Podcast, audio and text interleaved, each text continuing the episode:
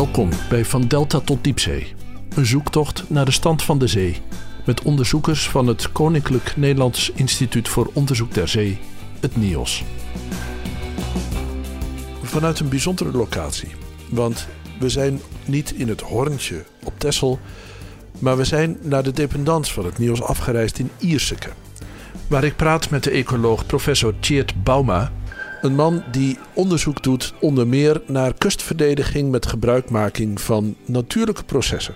Zoals dubbele dijken, het aanleggen van kwelders, wellicht zelfs het aanleggen van bossen voor de dijken.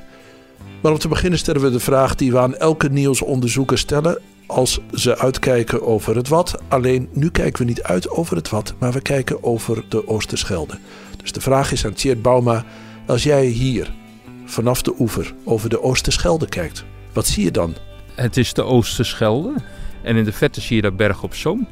Uh, we zijn in Ierseke. Dat is de gemeente Rijmerswaal. En, en eigenlijk kijk je hier naar het verdronken land van Rijmerswaal. En om je dan mee te nemen in de tijd. Hè, denk aan de late middeleeuwen. Zo rond uh, 1250, 1500. Toen had je hier het, uh, een grote stad liggen, Rijmerswaal. En die is ehm, op uh, kwaaie zaterdag of de Felixstorm in 1530 is dat verdronken. Tenminste, een heel groot deel van het gebied wat hier lag is ondergelopen. En toen is het deel Rijmerswaal um, is nog behouden gebleven. Uh, en dat werd een eiland. En ongeveer 100 jaar later zijn daar de laatste mensen vertrokken. Toen, toen is het uh, dus echt opgegeven. En, en wat je hier ziet, hè, waarom, Waarom is de Oosterschelde zo'n enorm interessant gebied en Zeeland in zijn algemeenheid? Er zit hier eeuwenlang uh, een, een, wisselwerking tussen mens en natuur en veilig wonen. Het polderen, bouwen van dijken, dus het inpolderen is uh, zo rond 1200 begonnen. En in die tijd begon het waarschijnlijk met hele kleine dijkjes. Hè. Uh, ik heb van een historicus begrepen dat het meer uh, verhoogde schapenpaadjes waren in het vervolg, uh, in, in, in, de eerste instantie. Dus eigenlijk de gedachte, hoe kan ik mijn schapen op het droge brengen? Want die waren op die schorren, of zoals je het in het noorden noemt, kwelders, hè? zoutmoerassen, buitendijkse zoutmoerassen, aan het grazen. En ja, als het water dan een keer erg hoog kwam, dan moest je ze op het droge brengen. Dus daarvoor had je dan verhoogde paadjes. Maar op een gegeven moment kregen we dus ringdijken. Uh, waardoor je eigenlijk droger kwam te wonen. Dan werd je niet overstroomd. Maar ja, de techniek was toen heel anders.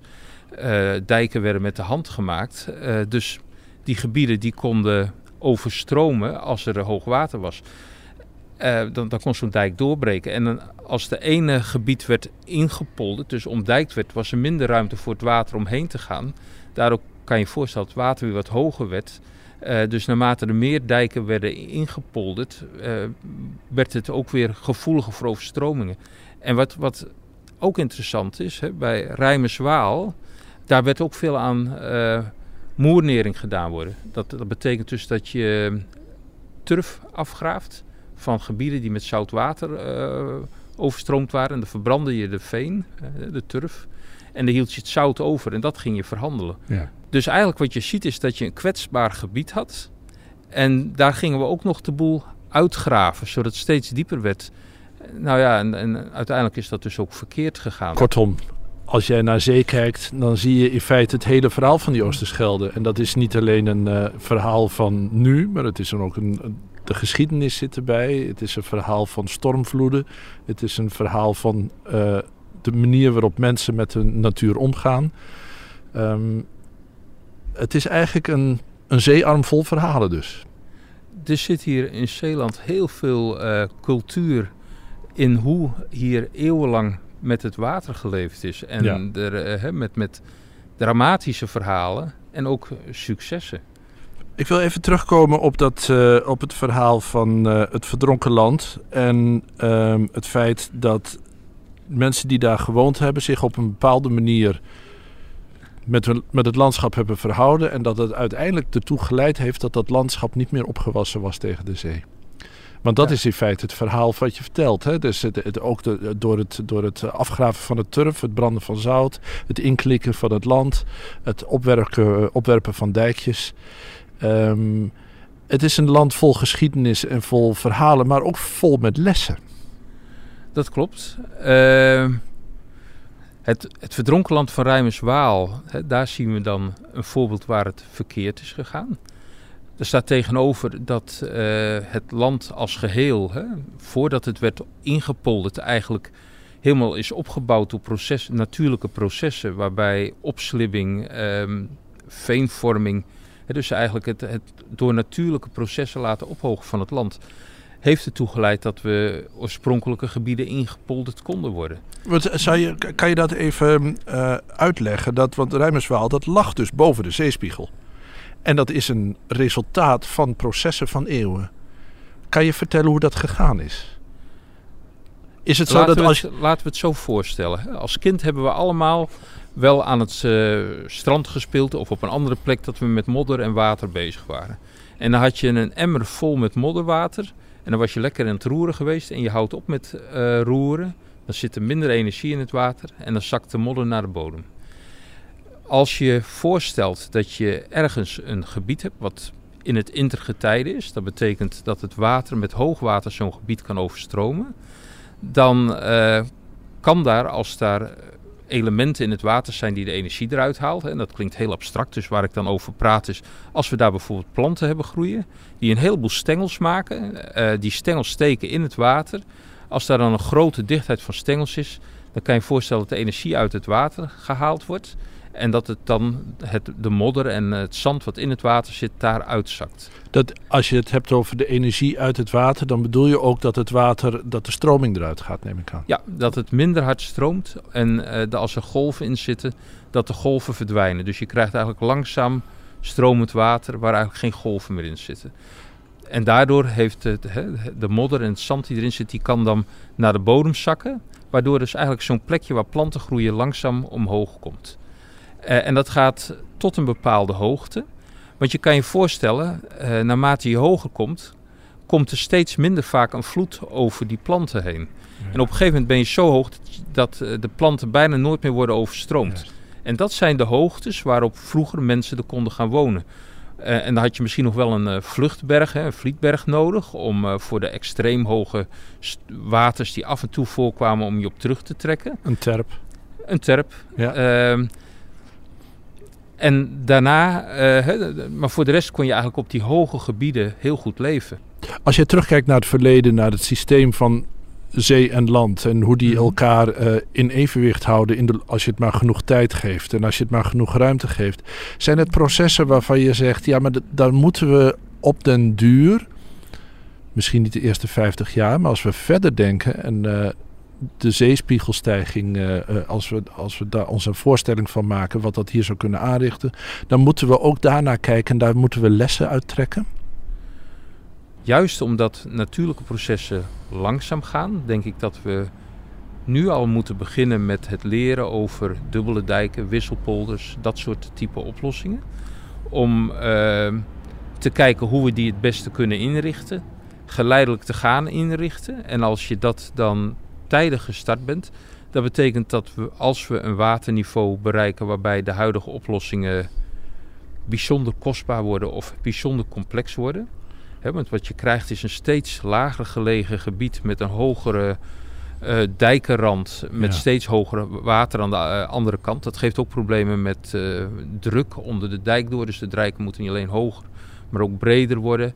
Ja. Als je dan voorstelt dat je daarachter weer zo'n uh, hooggelegen gebied zou hebben met nog een dijk, dan ga je naar een uh, veel veiliger systeem toe. Dubbele dijken, zeggen we altijd, gaat, uh, staat min of meer voor dubbele veiligheid. Maar zo'n transitie vraagt enorm veel tijd. Dus hoewel ik weet dat we nu veilig zijn, hè, ontzettend veilig met dank aan de waterschappen en hun kunde, denk ik wel dat we nu al zouden moeten gaan nadenken over hoe we richting de toekomst door willen. En of we daar niet nu al moeten beginnen met uh, kleinschalige pilots om te leren. Ja. En geleidelijk aan hè, kijken hoe je het inpast in het landschap om naar nieuwe oplossingen te gaan. Zo'n dubbele dijk, kan je dat even uitleggen hoe dat werkt? Um, om te beginnen, hè, eigenlijk praten we nu over uh, nature-based solutions, hè, natuurgebruik voor kustverdediging. Um, Dat kan zowel buitendijks als binnendijks met een dubbele dijk. En waar je voor kiest hangt heel erg af van de ruimte die je hebt. Ehm, in Zeeland hè, zijn we al rond uh, vanaf 1200 bezig met het claimen van ruimte, hè, het pakken van ruimte van de zee. Dat betekent dat wij relatief weinig ruimte voor de dijk over hebben.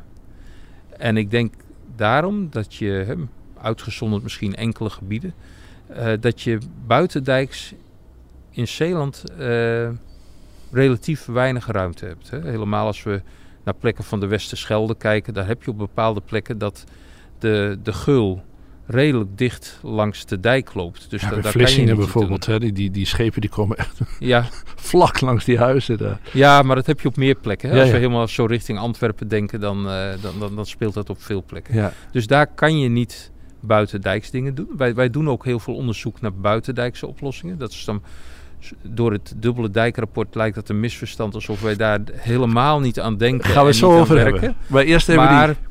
dus, dus de wereld is breder dan dat. Tuurlijk. Maar op veel plekken eh, denken we dat het een goed systeem is. En wat houdt het in? We hebben momenteel een, een dijk. Dat is onze waterkerende dijk. Daarachter ligt vaak nog vanuit de historie van de inpoldering een, een dijk die geen waterwerende, waterkerende functie meer heeft, een zogenaamde slaperdijk. Wat het uh, idee is dat je zo'n slaperdijk versterkt, dat die dus uh, waterkerend wordt. Ja. Dan uh, maak je als het ware een, een soort grote pool, hè, een soort zwembad achter de primaire dijk. Dus helemaal omdijkt, helemaal veilig. En dan maak je in de primaire dijk laat je een water door, hè, dus de buitenste dijk, wat nu de zeedijk is, daar maak je een waterdoorlatend middel in. Dus een, een, een, gat wat je weer kunt afsluiten. En als je daar dat water uh, doorlaat, dan gaat dat stromen over het gebied, hè, de grond die achter die dijk ligt. Tot aan die uh, geüpdate... Voorheen de slaper. En met dat water komt ook de modder en het zand weer dat gebied in. Dus dat gebied gaat weer langzaam ophogen. Dus en, en is het dan het idee dat je dat uh, zoals vroeger met elke stormvloed doet? Of gewoon dat je het met elke vloed doet? Of om de zoveel vloeden tot het alles bezonken is en dat je het dan langzaam weer laat wegstromen? Het is zeker niet de bedoeling dat het uh, alleen met stormvloeden zou moeten. Uh, want als het land zo hoog zou liggen dat het alleen uh, met de stormvloed zou onderlopen, dan, dan zouden we er überhaupt probleem. niet over praten. ja. Op het moment dat je een gewenste hoogte bereikt, dus dat, je, dat het maar af en toe overgaat, en we hoeven helemaal niet toe te gaan dat het uh, echt alleen met de stormvloed ondergaat. Als het uh, gemiddeld hoog water ongeveer bereikt, dan zou je het gebied, het doorlaatmiddel dicht willen doen. En op dat moment wil je dan het gebied teruggeven aan de mensen om te gebruiken voor landbouw ja. of wat dan ook. Ik kan me ook voorstellen dat je, dat je het in reserve houdt voor het, het geval de zeespiegel verder stijgt. En dat je het dan weer. Want in feite maak je van de zee een dijkenbouwer, alleen een hele brede dijk. Ja, maar de ruimte in Zeeland is beperkt. Hè? Ja. Uh, dus als je voorstelt dat je langs die dijk, zo'n, uh, langs de, de zeedijk zoals nu ligt, zo'n zone van um, dubbele dijken met wisselpolders wil hebben, dan uh, is het niet reëel om te zeggen, nou, we houden dat de hele tijd als wisselpolder. Want waarom zou je, als het hoog genoeg is, dan is het goede, vruchtbare grond. Hartstikke vruchtbaar. Dat was natuurlijk ook het grote voordeel van als ja. het nu en dan overstroomde. Da daarom hebben we in Zeeland zulke fantastische landbouwgrond. En in Friesland. Hè? En in Friesland langs de Wadden speelt hetzelfde, ja. klopt helemaal. Ja, ja. Um, dus daar zou je het concept ook kunnen toepassen.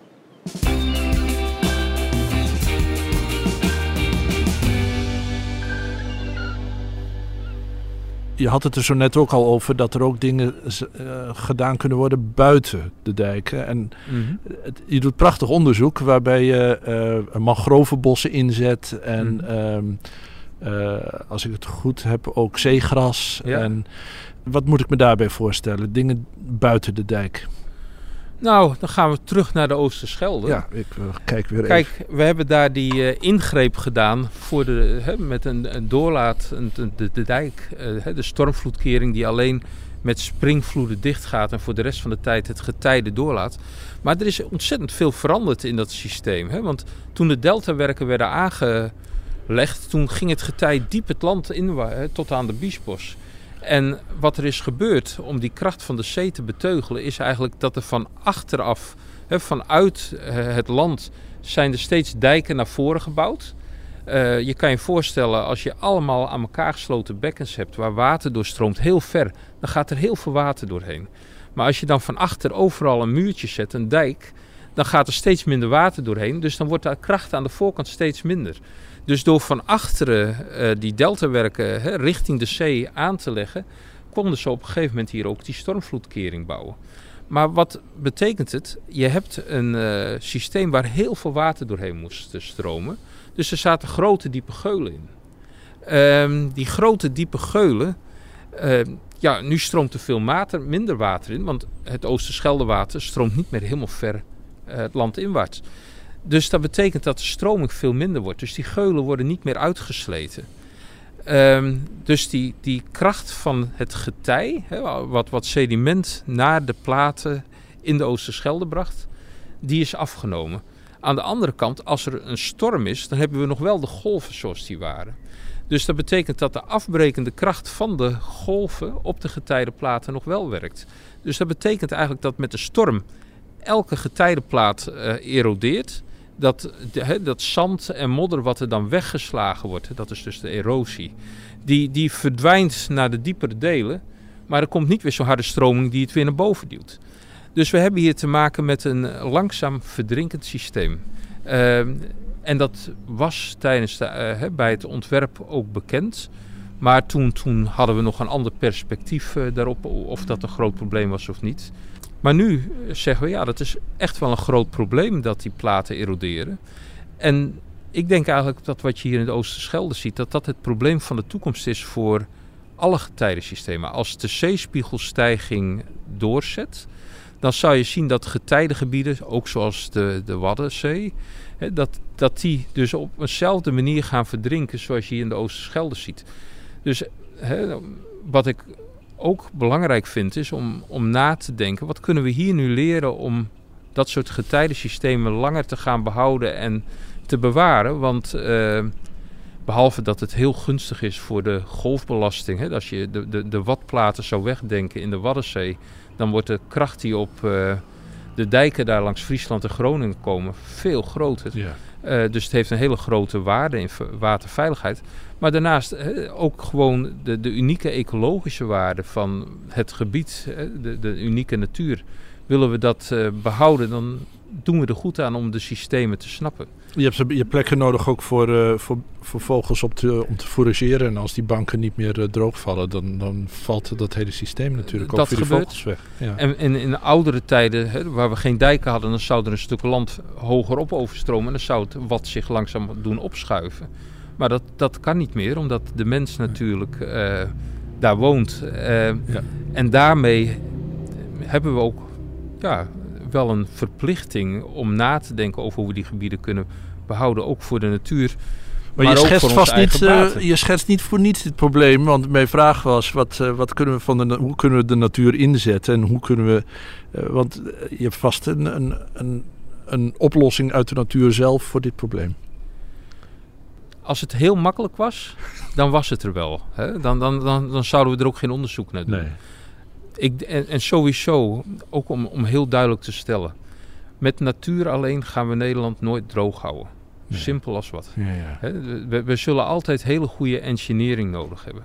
Want Nederland ligt zo diep. Uh, als wij onze dijken afschaffen, omdat we denken dat we het natuurlijk kunnen, dat is uh, totaal onrealistisch. Maar de uh, tijd dat, dat de engineers alleen maar over beton leerden en steen en bazalt, die is wel voorbij, toch? Ja, nee, het bouwen met de natuur is ook niet iets wat uh, voor kustveiligheid is ook niet iets wat uit de ecologenhoek komt. Hè? Nee. Dat, dat komt ook voor een groot deel uit de, de engineeringhoek, uit de, de, de, de kennisbehoeften van de, de, grote bedrijven als Boskalis en Van Oort. Uh, dus, dus het is zeker zo dat de engineers daar ook voor openstaan en dat we dat gezamenlijk moeten oppakken. Maar het... wil je iets echt kunnen benutten, dan moet je het echt goed snappen. En ik denk dat dat een van de kern is ehm, wat, wat bij mijn onderzoek een rol speelt. Hè. Ehm, ik ben eh, heel erg geïnteresseerd in hoe het systeem werkt en om dat goed te snappen. Want pas als je goed kunt doorgronden uh, hoe het systeem werkt, dan pas kan je snappen wat de veerkracht van een systeem is, wat uh, de drempels zijn die moeten overwonnen worden om een systeem ergens zich te kunnen laten vestigen en hoe je een systeem duurzaam kunt benutten voor uh, menselijke baten.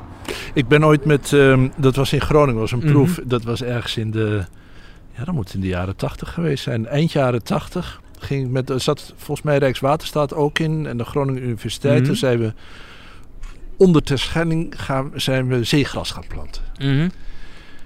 Ja. Ja, dat was in één vloed weg. Dus uh, het was... Ja.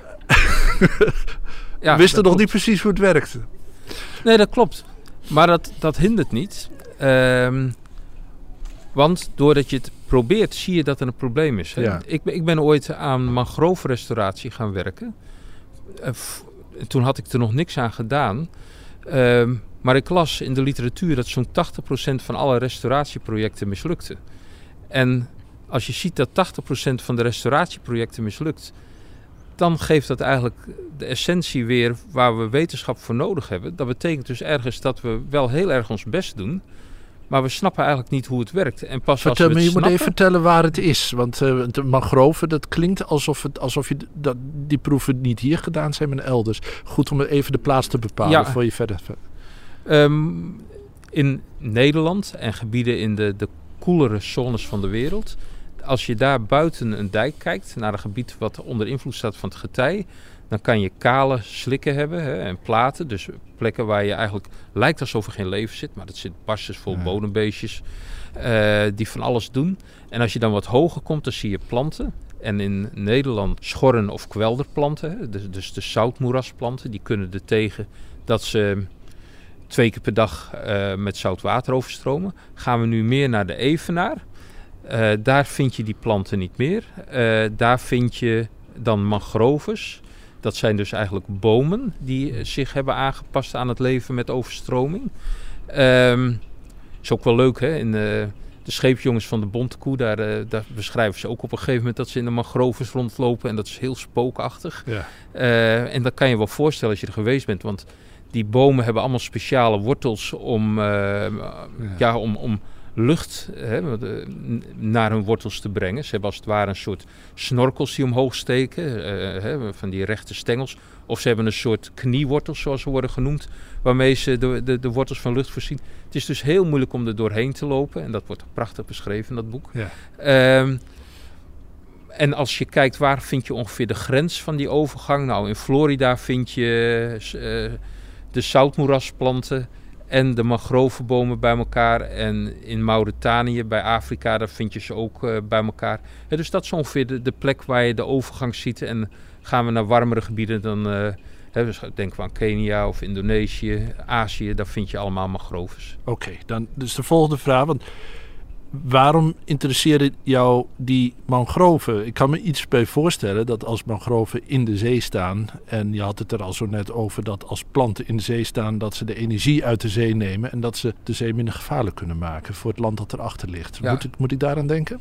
Ja, dat is één van de toepassingsvelden. Uh, Kijk, als we naar natuur kijken, dan hebben we een heleboel uh, ecosysteemdiensten... zoals we het mooi uh, noemen.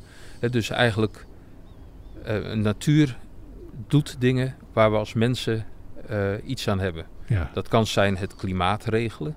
Het kan zijn water zuiveren. Het kan zijn gewoon zorgen dat de vissen ergens van kunnen leven.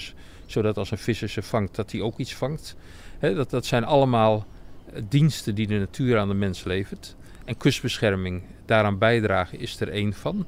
Maar het handhaven van de biodiversiteit is een andere. Hè? Ik bedoel, we weten, niet, we weten vaak nog niet waarvoor de biodiversiteit die er is, dat we die nodig hebben. Maar ja, ik, ik, voel me, ik voel me een beetje eruit. op mijn plaats gezet. De mangrovenbosred is op zich al natuurlijk geweldig.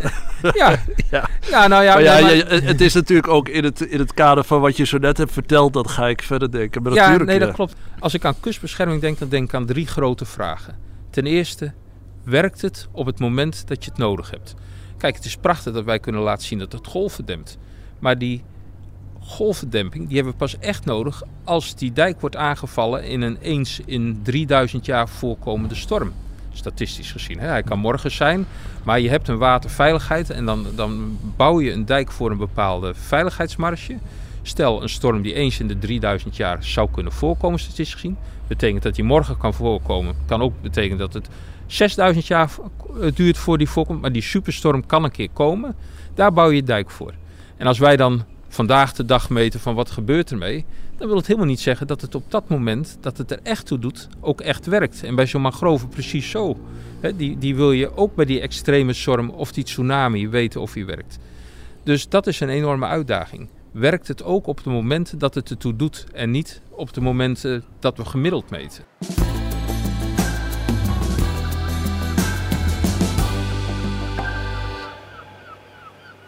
Je schetst nou een systeem waarin je een dijk hebt en een mangrovenbos. Wat bij het mangrovenbos eigenlijk de dubbele dijk is. Uh, uh, of een voorland. Hè? Een voorland. Ja. Hoe, hoe, hoe werkt dat? Kan je dat nou, nog een keer uitleggen? Wat ik, wat ik probeer, probeer, te zeggen is, je moet kijken dat het werkt op het moment dat die zeldzame storm er is. Ja. Nou, wat doet een buitendijks uh, kwelder of schor of mangrove? Die schelders, of die kwelders en die schorren en mangroven, dat zijn allemaal planten. Hè? De ene, de mangroven zijn de bomen en de, schelders, de kwelders en de schorren, dat zijn ja, struikjes, grasachtige. Die remmen het water en vangen daarmee modder en zand. Dus eigenlijk wat er gebeurt is dat ze ook het hele voorland verhogen. En of dat nou in een dubbele dijk met wisselpolder achter de dijk gebeurt of voor de dijk, het, land komt omhoog. En het land is ruw. Als de bomen opstaan, dan weet je het al helemaal dat er heel veel uh, structuren staan waar de golven door moeten.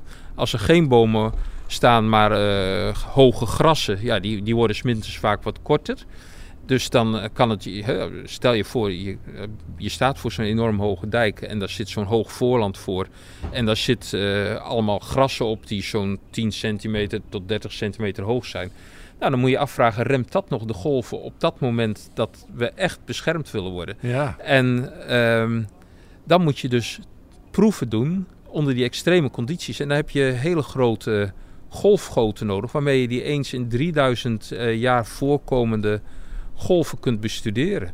Die enorme golven, hè? stel je voor, uh, ik weet niet hoe je woont, maar als je een huis hebt van uh, drie etages, hè, dus twee etages en een zolder, en je gaat op de nok van je huis staan, dan sta je zo'n 7 meter hoog. Dat is ongeveer de hoogte van zo'n golfbassin waar je dit soort golven in maakt. En denk dan aan een lengte van 2 of uh, eh, 100 meter of zoiets. Nou, als je daar golven in maakt, hè, 7 meter diep, uh, eh, 200 meter lang, dan kan je je voorstellen dat is, zijn echt enorme golven. Is, hebben jullie zo'n opstelling in Deltaris? Uh, Deltaris heeft zo'n opstelling en ja, ja, dat is de grootste. Ja. daar kunnen ze momenteel de grootste golven van de wereld maken. Ja. En, maar maar dat, dat, daar kan je dus hele grote proeven doen complexe proeven. We hebben de proeven gedaan met wilgenbossen. Uh, daar gaat een nieuw project van start. Daar gaan we er hele schorren, eh, kwelders in aanleggen. Maar wat doe je dan? Dan zet je er gewoon wilgenbossen en dan, dan gaat je er zo'n zo'n huishoge golf overheen. En kijken of je het, of, of je het redt. En oh, redt hij het? Ja, ja de, de, voor die, uh, met die wilgen doen dat goed. Echt maar je wil, je wil niet alleen weten of ze het redden. Je wil ook vooral weten, doet het nog wat voor die dijk? Ja. kan ik die dijk inderdaad uh, twee meter lager houden? Omdat ik maak me zorgen over de wilg. Maar, maar is het... Uh, en wat komt er uit die proef? Doet het ook iets voor die dijk?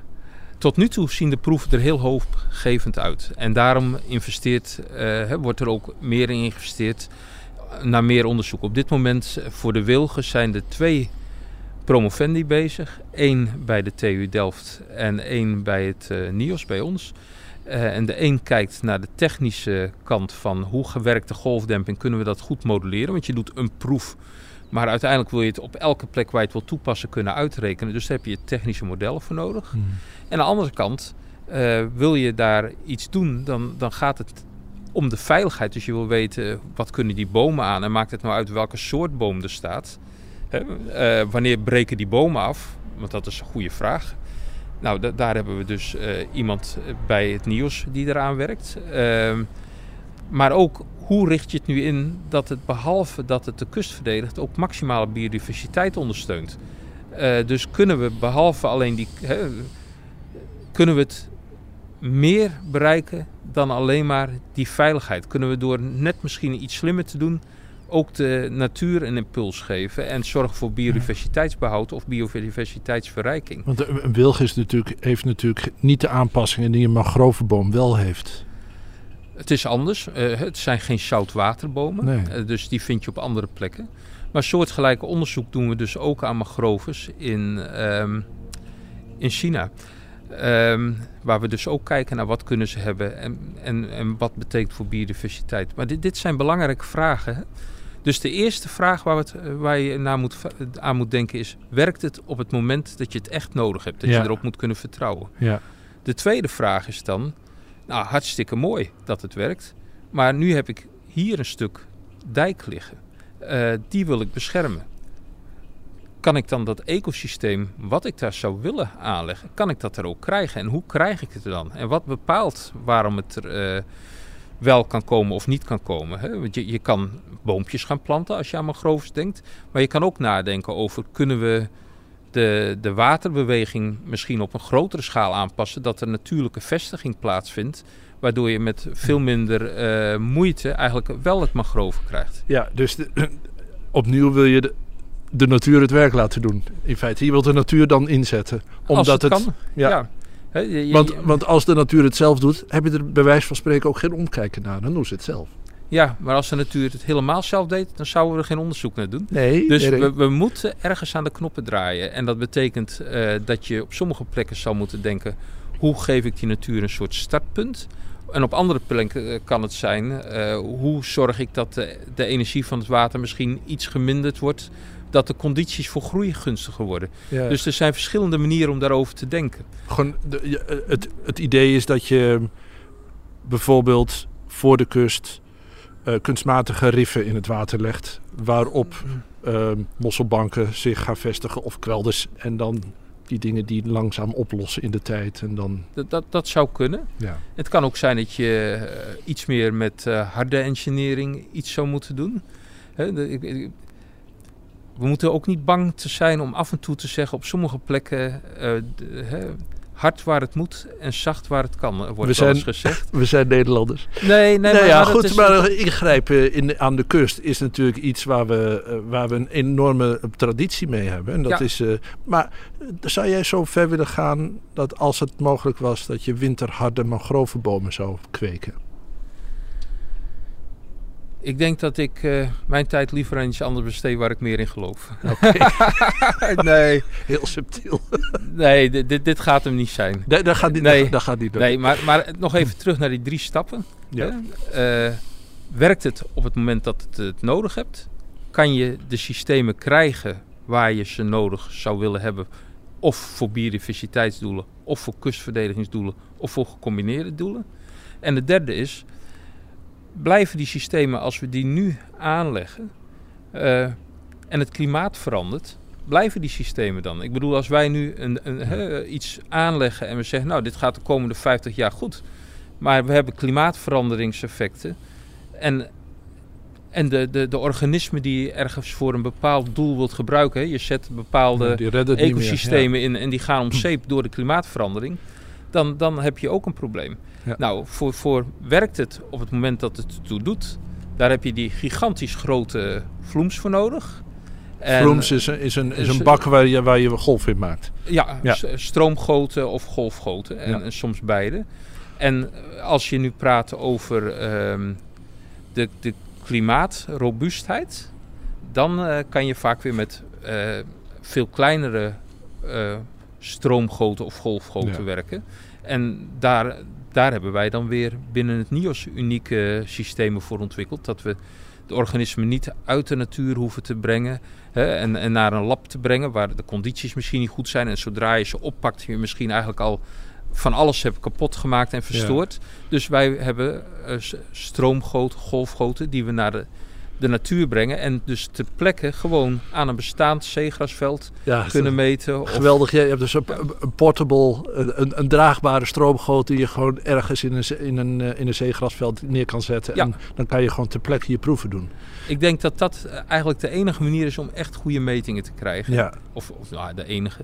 Nee. De beste methode. Om- En, en daar zijn we momenteel heel succesvol in. Omdat wij eh, als NIOS daarin hebben geïnvesteerd eh, om die dingen te ontwikkelen. En daar, daar komen mooie papers uit. En dan kan je kernprocessen meten. En dan kan je die parameters hè, die je uit die metingen haalt. Dus die, die gegevens die kan je dan in modellen stoppen. En daarmee eh, doorrekenen wat gebeurt er nu als er iets vaker een storm komt. Blijft het systeem bestaan? Hè, dus dus eh, daarmee maken we het veel realistischer. Dat we dus Ja. Meetwaardes hebben voor de belangrijkste eh, getallen die bepalen of zo'n systeem klimaatbestendig is of niet. ja. Kan je een idee geven van de kracht van de zee? Ja, dan stel je een vraag. We hebben net eh, gezien dat er een, eh, een schip helemaal stuurloos was geraakt bij Noorwegen. Ja. Eh, gisteren was op het nieuws dat er eh, op zo'n containerschip boven Ameland containers eh, af waren geslagen. Ja. Ehm, en laat ik het ehm, veel meer naar de mens toe brengen. Veel mensen zullen wel eens in een golfslagbad geweest zijn. Nou, de golfjes die je daar voelt, dan, dan, dan heb je vaak moeite om te blijven staan. Terwijl het eigenlijk golfjes van niks zijn. Als, we, als je in een eh, rivier staat tot je middel en het stroomt zo'n halve meter per seconde, dan, eh, ja, dat, dat, heb je moeite om rechtop te blijven staan. Terwijl, ehm, ja, qua snelheid is het helemaal niks. Al, hè, als je ziet welke snelheden we van eh, in, in lucht aan kunnen. En dat heeft te maken dat water zoveel dichter is dan lucht. Hè. Het is een, een, een dichte vloeistof. Probeer maar eens, simpele test. Ren maar een keer gewoon eh, van het strand de zee in. Zodra je het water erin komt, gaat je snelheid eruit. Omdat dat water verplaatsen kost veel energie. Nou, dat betekent als het water naar jou toe komt, heeft het veel energie. En dan is het niet makkelijk om er tegen te kunnen. Nee. Nee, ik kom regelmatig in Eemuiden. En daar Mhm. heb je eh, die pier van Eemuiden. Dat Ja. zijn van die enorme betonblokken. Ja, ik ken het goed. Nou, ik wil niet zeggen dat heen en weer gegooid wordt als speelgoed. Maar die blijven niet op hun plek liggen. Als het, het is echt... ehm, het, eigenlijk kan je je niet goed voorstellen hoe, hoe sterk de zee is. En dan kan ik me eigenlijk ook nauwelijks voorstellen dat een stel bomen daar de energie uit kan halen. Maar daar heb ik me Ja. dus toch vergist. Eh, met die betonblokken ben ik ontzettend blij dat we in Delft en op andere plekken zoals Twente die ingenieursopleiding hebben die dat gewoon allemaal goed kunnen doorrekenen enzovoort. Maar ik, over die, die kracht van die bomen. eh, als we kijken naar plekken waar tsunamis zijn geweest eh, en wat de impact daarvan was op het moment dat er een eh mangrovenbos voor stond of niet, dan denk ik dat dat heel veel eh, kracht uit het water kan halen. Ja, ge- geef eens een voorbeeld. Wat, wat gebeurde daar dan? Nou, dan, dan zie je dat het achterliggend land eh, na, een, eh na een mangrovenbos veel minder beïnvloed wordt. En ehm, om het dichter bij huis te brengen, hè, we hebben nu net in een project langdurig gemeten aan golven in de Waddenzee onder andere. En wat je dan ziet is als eh, je kijkt naar hoe hoog de golven aan de dijk zijn als er een schor voor ligt, Ja. eh, een kwelder voor ligt of eh, niet.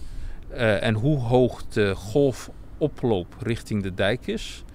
Nou, dan, dan weet je dat een 300 meter breed schor in de winter, waar de planten dus al redelijk kort zijn, gewoon door het hoger worden van het land, Ja.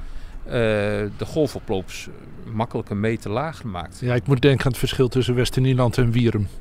Mhm. Wierum waar het gewoon, hè, dat heb je gewoon de, de gul die komt vlak langs Ja. de dijk. En dat is, eh, En dan krijg je veel hogere golfoploop. ja, ja.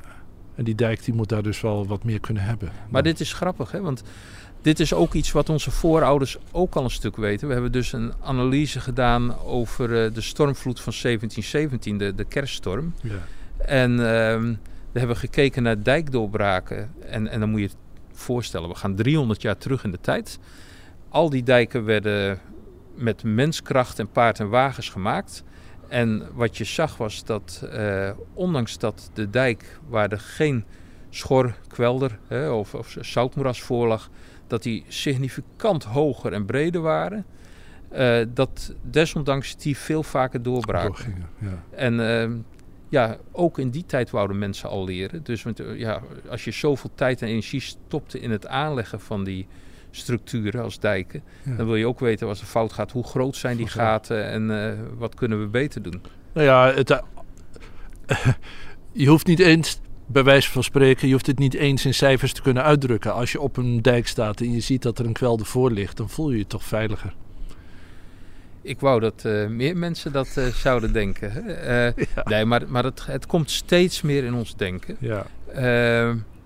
Ik denk dat de lastigste stap is om op een gegeven moment ook te denken van als we nou niet de ruimte hebben voor de dijk, kunnen we ook iets achter de dijk doen ja. op een slimme manier.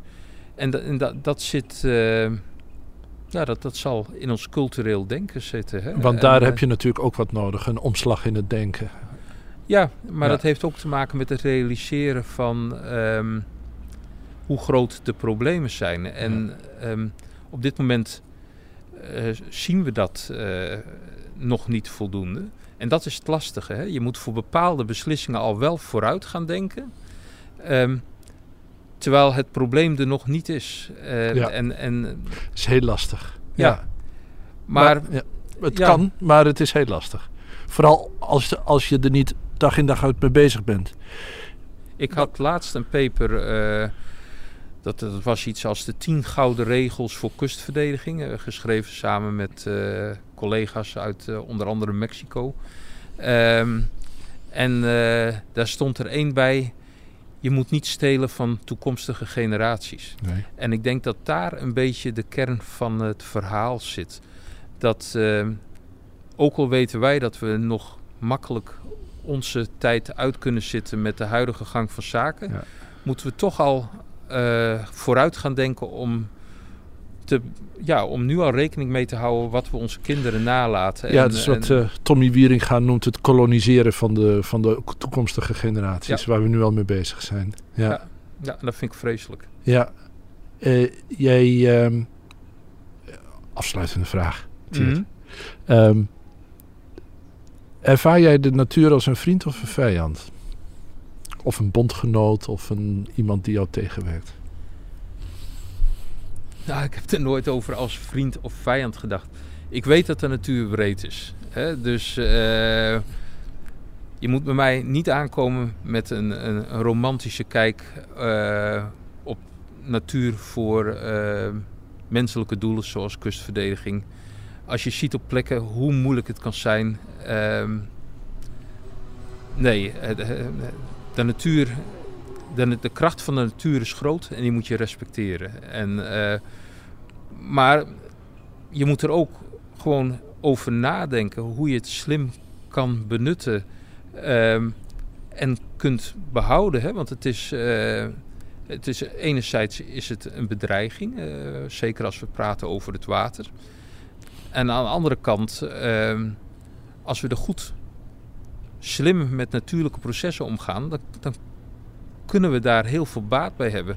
En de bottom line is, als we alle natuur laten verdwijnen, kapot laten gaan en de biodiversiteit verliezen, dan, uh, ja, dan, dan, dan, is ons ook geen goede toekomst. Uh, dan, dan, dan is er geen toekomst voor de mensen. Ik denk niet dat nee. wij zonder natuur kunnen. Nee. Maar um, terug naar uh, het leven met de natuur zoals het misschien vroeger was, dat is ook niet iets wat ik. Uh, het, het, het, moderne comfort is ook iets waar we heel blij mee mogen zijn. Maar we zullen wel. Als jij beneden komt, wil je het licht aan kunnen doen.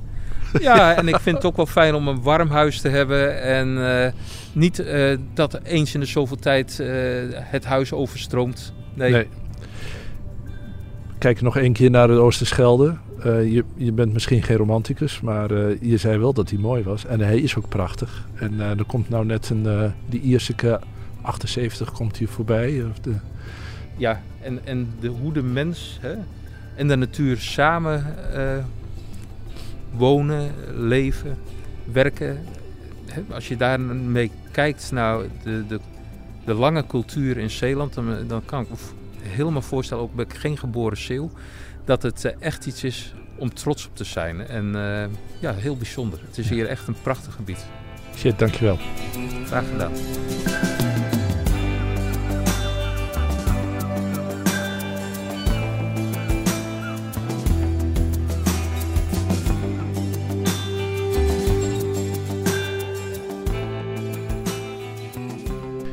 Was van Delta tot Diepzee. Gesprek op Texel met mensen van het NIOS, het Koninklijk Nederlands Instituut voor Onderzoek der Zee. Deze keer was dat de ecoloog professor Tjeerd Bauma in gesprek met Matthijs Steen. Als u zich abonneert op deze podcast, ontvangt u elke maand een gesprek over de zee en haar kostgangers met onderzoekers van het NIOS.